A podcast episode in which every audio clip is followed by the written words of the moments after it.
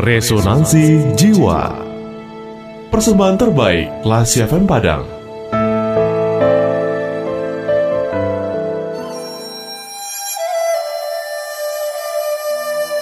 Bukalah telinga untuk memahami.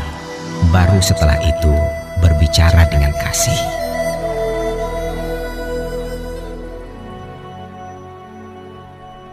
Seorang anak laki-laki dan ayah tirinya mengalami kesulitan untuk saling berkomunikasi. Sang ayah adalah orang yang sangat ramah dan senang sekali memancing.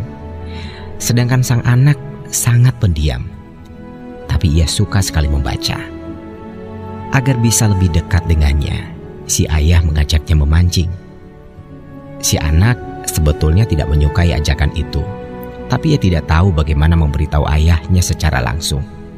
Jadi ia menulis di atas secari kertas bahwa ia ingin pulang. Setelah melihat sebentar, sang ayah mengantongi kertas itu.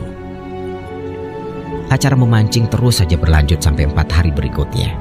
Saat akhirnya mereka pulang, si anak mengungkapkan keputusannya kepada ibunya dan berkata bahwa ayah tirinya tidak mempedulikan tulisannya. Mendengar hal itu, si ibu berkata dengan lembut, "Nak, sebenarnya ayahmu tidak bisa membaca.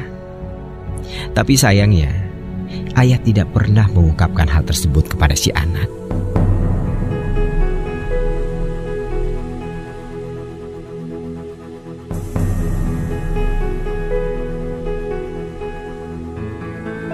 Classy people, cerita singkat ini memberikan makna bahwa komunikasi yang baik terjadi tidak hanya saat kita mengetahui apa yang ingin kita katakan, tetapi juga saat kita mengenal orang yang kita ajak bicara.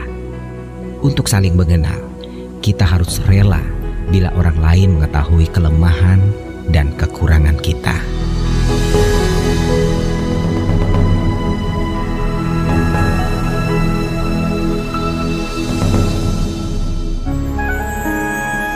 Baru saja Anda mencermati Resonansi Jiwa Persembahan terbaik Radio Kelas FM